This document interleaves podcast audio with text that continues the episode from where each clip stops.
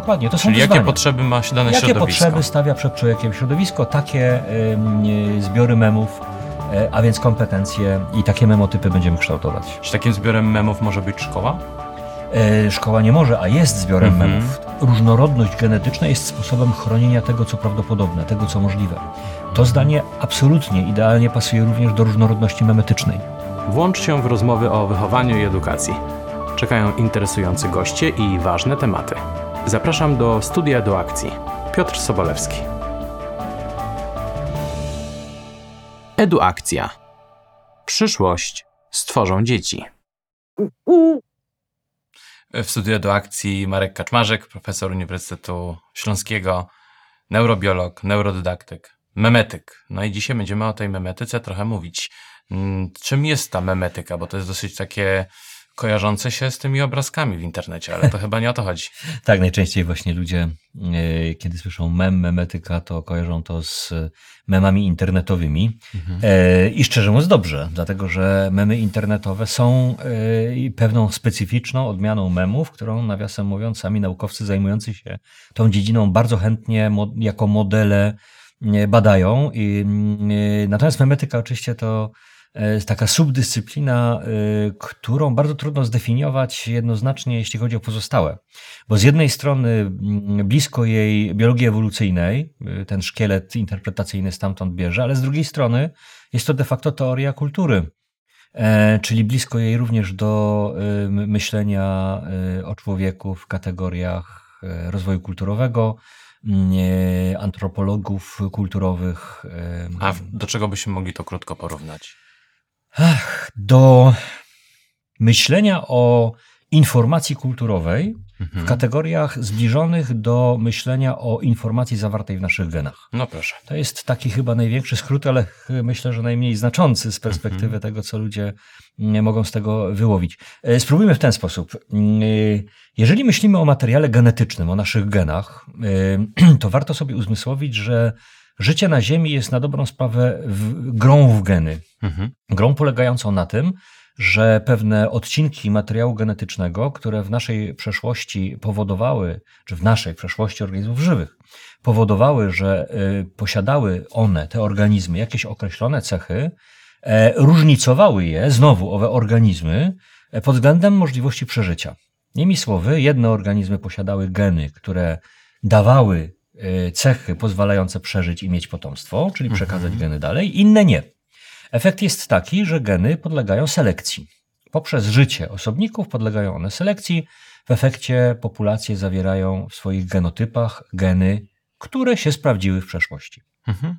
W ten sposób e, opisujemy najprościej ten darwinowski, klasyczny sposób wyjaśniania adaptacji organizmów. Ale już w czasach Darwina zauważono, że geny, tak czy inaczej definiowane, bo tutaj genetycy też mieliby zapewne z tym problemy, nie są jedynymi, nazwijmy to, fenomenami, które się w taki sposób mogą zachowywać. Mhm. Bo jeżeli popatrzymy na zawartość kultury i spróbujemy z niej wyodrębnić jakiś mniej lub bardziej łatwo wyodrębnialny em, element, to on się też w, tak, w taki sposób za, zachowuje. No najprostszym przykładem, który często ja staram się tutaj przywoływać, kiedy próbuję to wyjaśniać, jest plotka. Mhm. Plotka jest niewątpliwie częścią kultury i można ją wyodrębnić, tak? Tak jak kawał, nie, czy, czy, czy jeszcze jakieś takie powiedzonko, przysłowie, E, ale trzymajmy się tej plotki.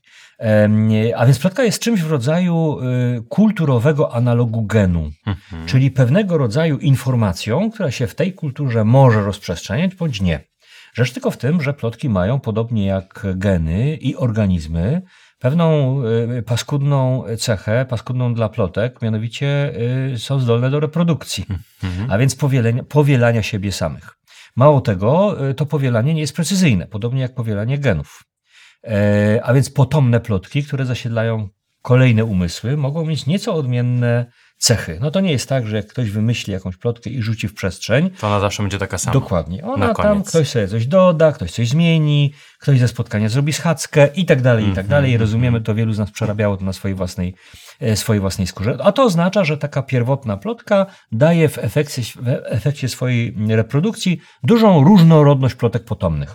Mhm. Rzecz w tym, że jak taka plotka pofunkcjonuje w przestrzeni społecznej przez jakiś czas, to dzieje się rzecz ciekawa. Mianowicie Jeżeli ci ludzie y, wymieniają między sobą te informacje odpowiednio sprawnie, a plotka jest odpowiednio istotna, czyli ważna z perspektywy tego, czego dotyczy, y, to w pewnym momencie większość y, umysłów, które te plotki rozprzestrzeniają i przyswajają, przyjmuje y, do wiadomości jedną z tych odmian, jedną, ewentualnie kilka, ale najczęściej kończy się na tym, że utrwala się jakaś ogólna prawda, tak? Ta jedna, jedyna, Wynikając z tej plotki. y, będąca odmia- jedną z tych odmian licznych Plotki. na początku Mhm. tej plotki.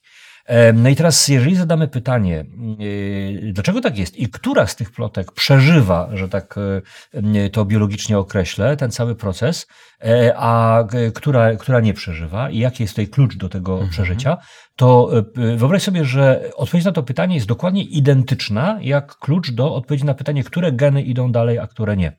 Tym kluczem jest środowisko, a właściwie jego jakość. To środowisko y, biologiczne decyduje, czyli jego cechy, a więc wyzwania, jakie w tym środowisku się, nie, na, na jakie natknie się organizm, decydują o tym, jakie cechy, a co za tym idzie, jakie geny będą w nim mogły przetrwać. I z plotką jest dokładnie tak samo. Czy wybieramy ten rodzaj plotki, który jest dla nas jaki? E, Wybieramy ten, e, ten rodzaj plotki, który jest bardziej żywotny w przestrzeni społecznej. E, Plotka o zdradzie A, najbardziej małżeńskiej. atrakcyjna. Najbardziej atrakcyjna, tak. Plotka, plotka o zdradzie małżeńskiej inaczej wyglądać będzie, nie wiem, w kolonii Mormonów, a inaczej na Manhattanie, prawda? Mhm, Wśród ludzi, którzy to inaczej traktują. Tak, ta przetrwa, która jest najbardziej atrakcyjna dla środowiska społecznego, a więc dla kultury, w której się rozprzestrzenia. Ale memy to nie tylko plotki. Co to jeszcze? Memy to właściwie, no właśnie, tak jak powiedziałem wcześniej, to praktycznie wszystkie wyodrębnialne, mniej bardziej składowe, składowe przestrzeni kulturowej. Czyli plotki, czyli mody, czyli piosenki, czyli wiersze, czyli przysłowia, czyli e, światopoglądy, czyli teorie naukowe, czyli... E, Tradycja? Tradycji, tak, Mhm. dokładnie. E, robi się coraz bardziej poważnie, prawda? Mhm. Bo od plotki przeszliśmy na przykład do haseł, e, sztandarów, czy też godem narodowych. E, dokładnie, czy też właśnie e, takich systemów jak Mhm. systemy, systemy religijne. I każdy z nich możemy potraktować jako pewien zbiór informacji, które podlegają selekcji w taki sposób, w jaki żeśmy to zauważyli na, przykład, na, przykładzie, na, przyp- na przykładzie plotki. Oczywiście tworzą one e, te bardziej złożone systemy, takie jak na przykład nurty e, ku- kulturowe związane ze sztuką, czy religią, czy, e, czy z jakimiś dyscyplinami naukowymi, tworzą zespoły większego rzędu. Mhm. My nazywamy je mempleksami, czyli zbiorami memów. Jakby to zobrazować na bazie biologii naszego organizmu? Mhm.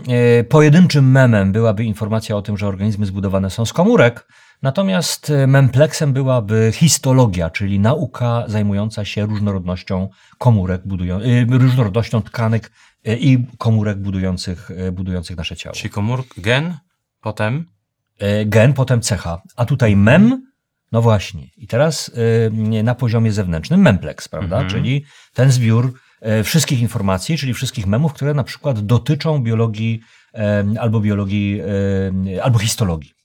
E, Rzecz w tym, że mm, e, my musimy myśleć w kategoriach memetycznych e, mniej o mempleksach. Oczywiście one są istotne. czyli o zbiorze memów. E, Dokładnie, które Mhm. dotyczą jakiejś konkretnej rzeczy, a bardziej nas interesują, przynajmniej z takiej dydaktycznej perspektywy, którą ja zawsze tu staram się podkreślać, interesują nas zbiory memów, które funkcjonują nie niezależnie, a zależnie od naszych mózgów. Mhm. Innymi słowy, nasze umysły. Bo z perspektywy memetycznej człowiek jest zbiorem funkcjonujących w nim memów. E, My byśmy w skrócie powiedzieli, że jest to umysł. Natomiast memetycy określają tutaj taki zbiór e, funkcjonalny, funkcjonujący w umyśle konkretnego człowieka e, nazwą memotyp. Mhm. Jest to nazwa oczywiście ukuta na bazie genotypu biologicznego, Czy, ponieważ pewien, czy, czy ludzie są pewnego rodzaju zbiorem informacji kulturowych? w najbardziej uproszczonej wersji memetyki, Mhm. takiej najbardziej twardej, Mhm. e, reprezentowanej powiedzmy sobie przez mm, e, Sarah Blackmore, e, czy też Petera Werda, tak byśmy, to, tak byśmy to mogli widzieć. Oczywiście jest to uproszczenie, ale z perspektywy niektórych e, teorii memetycznych tak to właśnie wygląda. Czyli można by powiedzieć, że gen, mówi, mu, szukamy jakiejś analogii, Mhm. E, gen do cechy, którą e, wywołuje czy warunkuje, miałby się tak jak mem do kompetencji, jaką wytwarza, e, w, w człowieku. Oczywiście tak jak cechy praktycznie nigdy nie wytwarza jeden gen, tak też kompetencji nie buduje pojedynczy mem. Jasne. Dopiero zbiór owych memów, które Daje tworzą nam się, lekarza, tak, tak. prawnika. Nawet nie lekarza, pojedynczą kompetencję, umiejętność pisania, czytania, umiejętność rozmowy i tak Mhm, dalej. Jasne. I tak dalej. Rzecz tylko w tym, że jeżeli popatrzymy na kulturę w taki sposób, to e, zmiany, jakie w niej zachodzą, dają się opisywać w kategoriach darwinowskich. Czyli mówimy o adaptacji, o przetrwaniu, o reprodukcji. Czyli może się okazać, że kompetencja pisania y, długopisem, ołówkiem może w przyszłości być wyparta przez inne? Tak, jeżeli, jeżeli każda praktycznie kompetencja dzisiaj odpowiadająca na pewne wymagania środowiska e, może być wyparta e, w środowisku, w którym, które nie będzie tego wymagało. E, Jeszcze raz podkreślam, to jest fundament y, myślenia darwinowskiego i to zarówno w biologii, jak i w każdej innej dziedzinie, również w memetyce. To środowisko decyduje o wartości kompetencji, a co za tym idzie o wartości zbiorów memów, które te kompetencje Te wartości mm, środowiskowe to polega na potrzebach? Tak, dokładnie. To są wyzwania. jakie potrzeby ma się dane Jakie środowisko? potrzeby stawia przed człowiekiem środowisko, takie zbiory memów, e, a więc kompetencje i takie memotypy będziemy kształtować. Czy takim zbiorem memów może być szkoła? E, Szkoła nie może, a jest zbiorem Mhm. memów. To jest e, w ogóle przecie, przeciekawe zjawisko, te szkoła z perspektywy memetycznej, bo zwróć uwagę, że szkoła jest takim miejscem, w którym zbiór ludzi, e, którzy tą szkołę tworzyli, kreowali i tworzą obecnie, e, poczynając od e, twórców podstaw programowych, a kończąc na nauczycielach i e, ludziach, którzy instytucjonalnie tą szkołę tworzą, e, to są ludzie, czy taki zbiór ludzi e, wybiera pewne określone zbiory memów, które oni arbitralnie uznają za ważne. a Ważne następ- z jakiej perspektywy? no właśnie, bardzo dobre pytanie. Z Mhm. perspektywy ich życia, z perspektywy ich doświadczenia, z perspektywy ich planowania przyszłości, a może predykcji tej przyszłości, czyli Mhm. jakiegoś, e, jakiegoś myślenia w kategoriach ja wiem, co będzie jutro. Tak? Czyli co na będzie... przykład uczmy dzieci y, intensywniej, częściej i lepiej języków, bo to im się przyda na przyszłość. Dokładnie tak. Mhm. No, to jest oczywiście akurat e, przykład, który w dużej mierze może nam się w przyszłości sprawdzić, Mhm. ale z drugiej strony, Nie wiemy. troszeczkę, troszeczkę futurystycznie patrząc na to, niech będzie, pobawmy się w m, to, w co bawił się często Stanisław Lem, w końcu mamy rok Stanisława Lema u nas. E, Może też e, równie dobrze dojść do tego, że za jakiś bliżej nieokreślony czas ktoś wymyśli urządzenie, Myślę, że ono nie jest wcale takie niemożliwe. W postaci małej słuchaweczki, którą będziesz mógł mieć w swoim uchu, która reagując na dowolny język słyszany mm, na świecie, będzie ci już do tego ucha podawać informacje y, w twoim własnym Czy języku. prywatny tłumacz w słuchawce. Tak, y, i to, i to działający w trybie, w trybie, w trybie bieżącym, prawda? Mhm. No a w takiej Czyli sytuacji. to oznaczałoby, że ten mem w postaci tej słuchaweczki, tej technologii wypierałby ten, który jest w Nie- szkole. Nie jest to, y, troszkę się zagalopowali. Mhm. Słuchawka nie jest memem. Co najwyżej jej wynalazek może być zbiorem memów. E, Chodzi tylko o to, że kompetencje w tym przypadku związane ze zbiorem memów dotyczących języka obcego Mhm.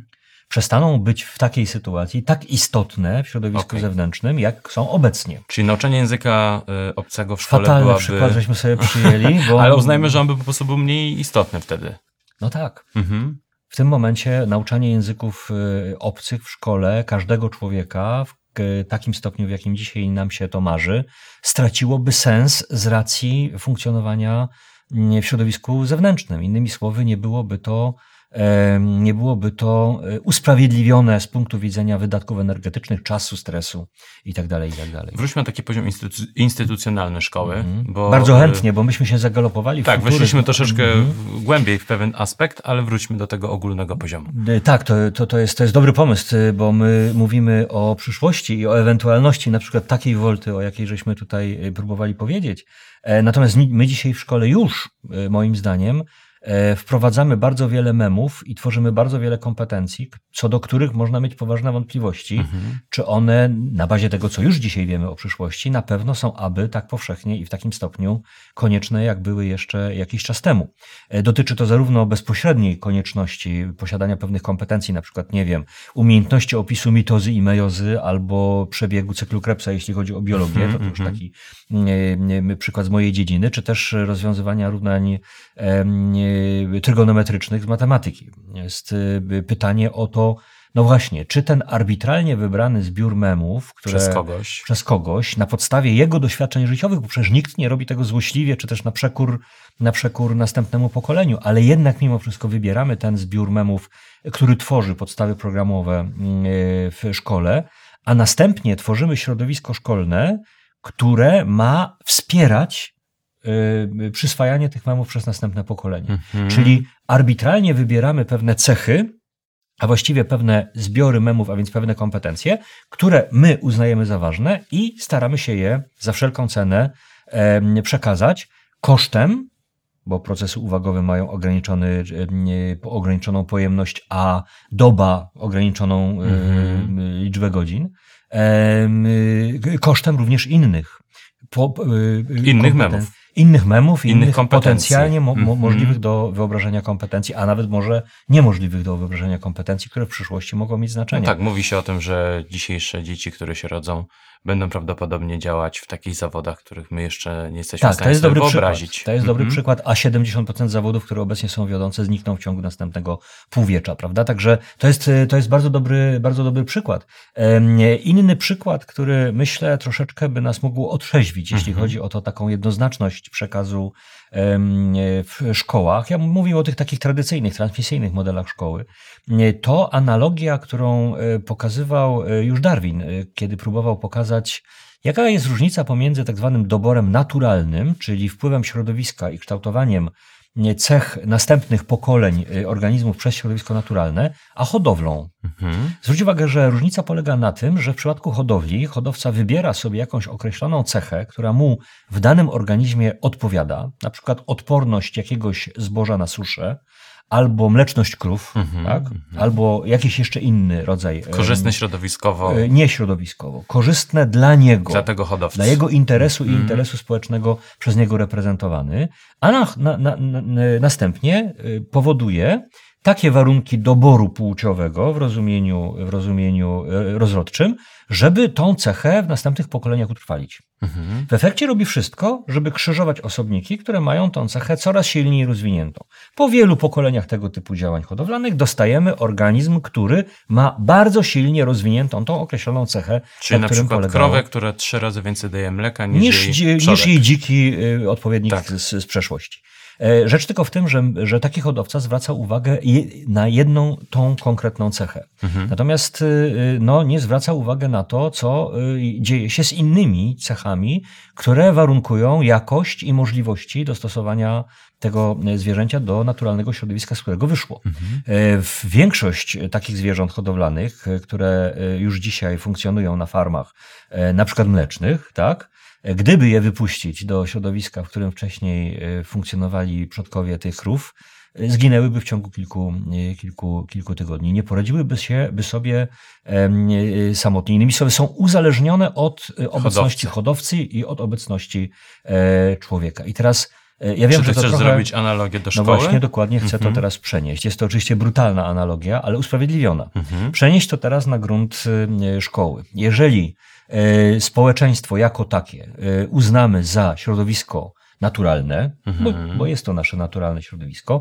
ale ono ma nieprzewidywalne w przyszłości y, wymagania. My dzisiaj nie jesteśmy w stanie ich y, określić. Określić jesteśmy w stanie tylko to, co na pewno o nim wiemy na dziś i to, co było ważne w przeszłości. Więc jeżeli zachowamy się na poziomie memetycznym, tak jak hodowcy na poziomie genetycznym, to w szkole widzimy no, taki mm, hodowlany rodzaj podejścia do memotypów. Wytwarzamy u naszych podopiecznych cechy, na których nam zależy. Tak. I oni w środowisku szkolnym są tego potrafili współpracować, E, żeby no mieli to jest określone kompetencje bardzo- matematyczne. To już jest bardzo wysoki pułap, bo Mhm. współpraca jest y, miękką kompetencją i ona gdzieś tam się w przyszłości na pewno przyda. Ale y, umiejętność opisu mitozy i mejozy, przebiegu Tak. cyklu Krebsa, równań trygonometrycznych, rozbioru logicznego zdania i tak dalej, i tak dalej. Wielu rzeczy, które z jakiegoś powodu uznaliśmy za istotne i które powiedzmy, że ten nam ufający w tym zakresie młody człowiek u siebie wypracuje. No i teraz istnieje ogromne niebezpieczeństwo, Mhm. y, że stworzymy memotyp, który przez analogię do genotypu takiego hodowlanego będzie y, Niesamodzielne. niesamodzielny w przyszłości. Nie, niesamodzielny w naturalnym środowisku społecznym. Więc niebezpieczeństwo jest tu ogromne. Ogromna odpowiedzialność. Memetyka pozwala nam spojrzeć na te sprawy no, z nieoczekiwanej perspektywy. Ale poczekajmy chwilę. To jest tak, y, ale do tej pory jakoś szkoła funkcjonowała w takim modelu. Mhm.